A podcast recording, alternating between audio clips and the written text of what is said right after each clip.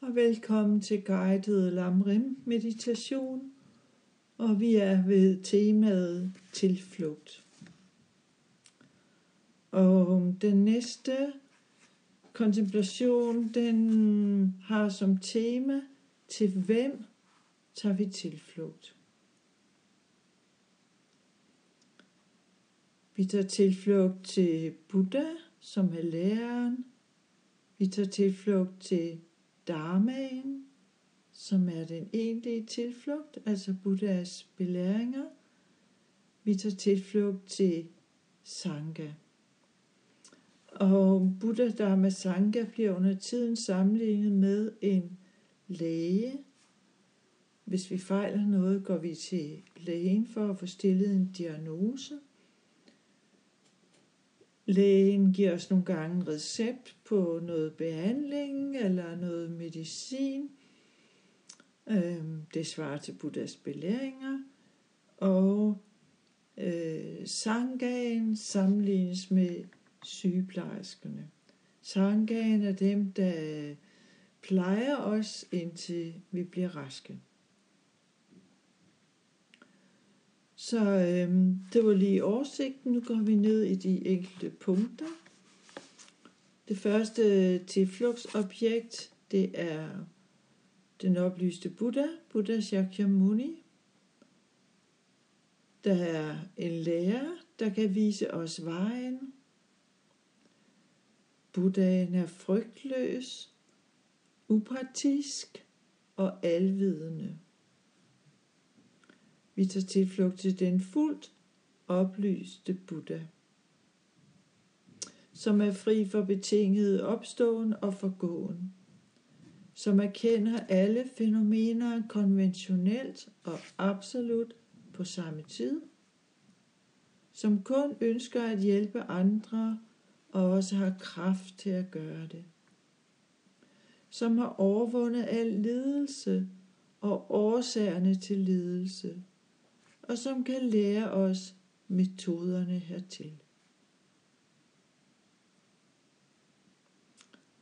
Og den oplyste Buddha er alvidende, siger vi, men ikke almægtig.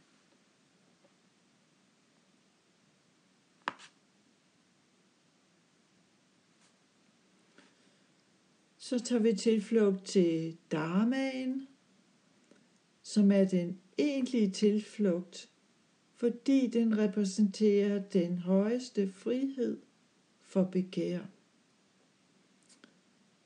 Og der taler vi om to slags dharma, den skriftlige dharma og vores egne erkendelser.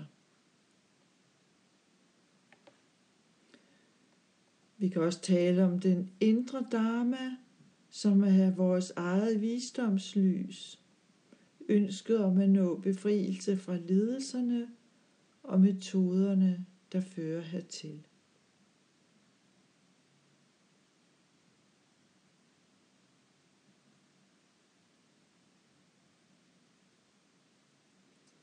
Som det sidste tager vi tilflugt til Sangaen, der er ledsagerne på vejen. Vi tager også tilflugt til den indre Sangha, som er vores bodhicitta. Jeg glemte vist at nævne den indre Buddha, som er vores egen Buddha-natur.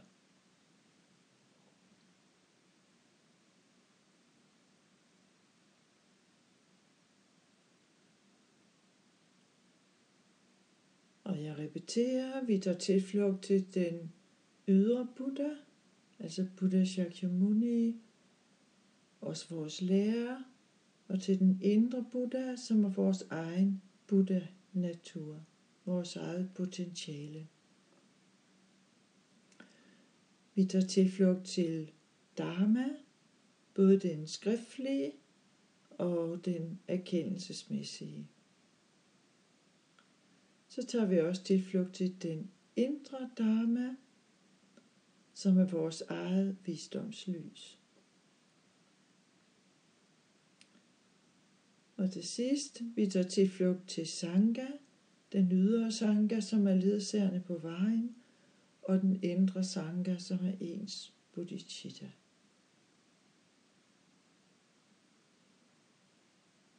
For os begyndere er de ydre tilflugtsobjekter nok de vigtigste.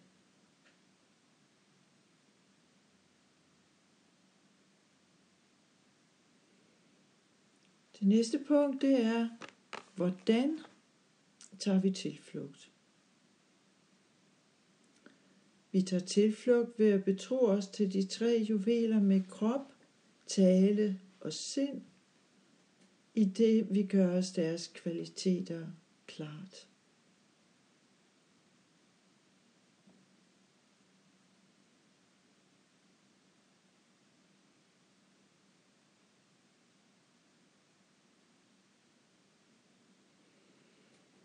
Så nu vil jeg bede dig om at undersøge de næste to minutter, om du har tilflugt. Har du tilflugt i Buddha, Dharma og Sangha? To minutter. Jeg kan også formulere det anderledes. Tager du tilflugt i Buddha, Dharma og Sangha?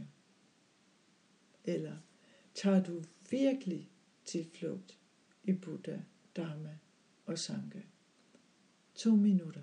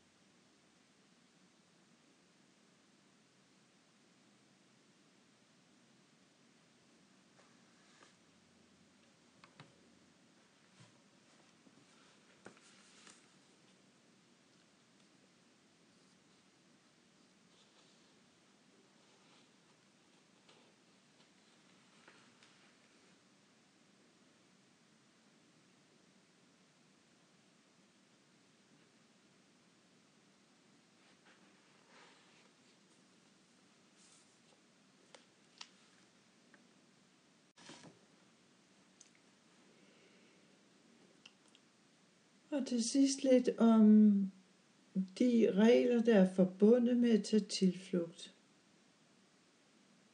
Og det er, at man undlader at skade nogen levende væsen med vilje.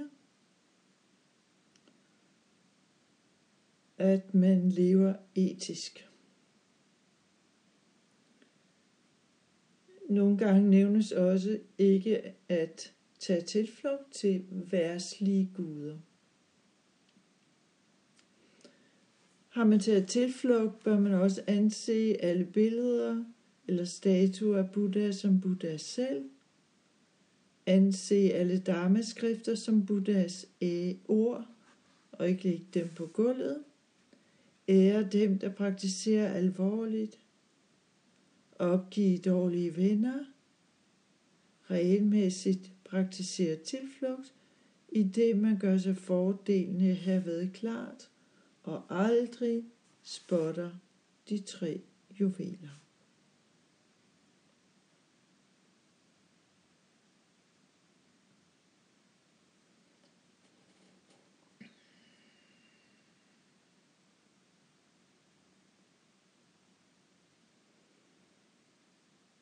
Og jeg vil slutte med et spørgsmål.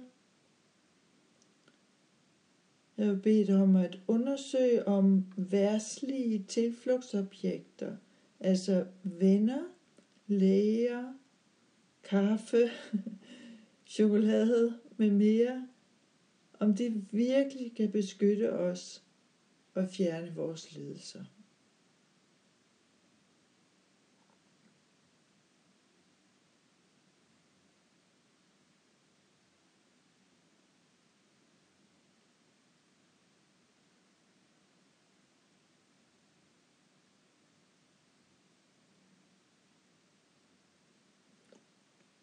Og det er sikkert ikke noget, du behøver at tænke ret længe over for at komme til den konklusion, at det kan de ikke.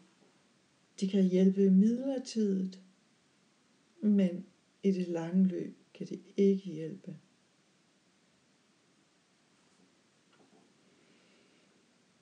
Så vi slutter med en dedikation, hvor de gode indtryk vi har skabt i vores sind ved at meditere på den måde, bliver årsag til, at vi hurtigt må nå Buddha-tilstanden og gavne alle levende væsener. Tak fordi du lyttede med.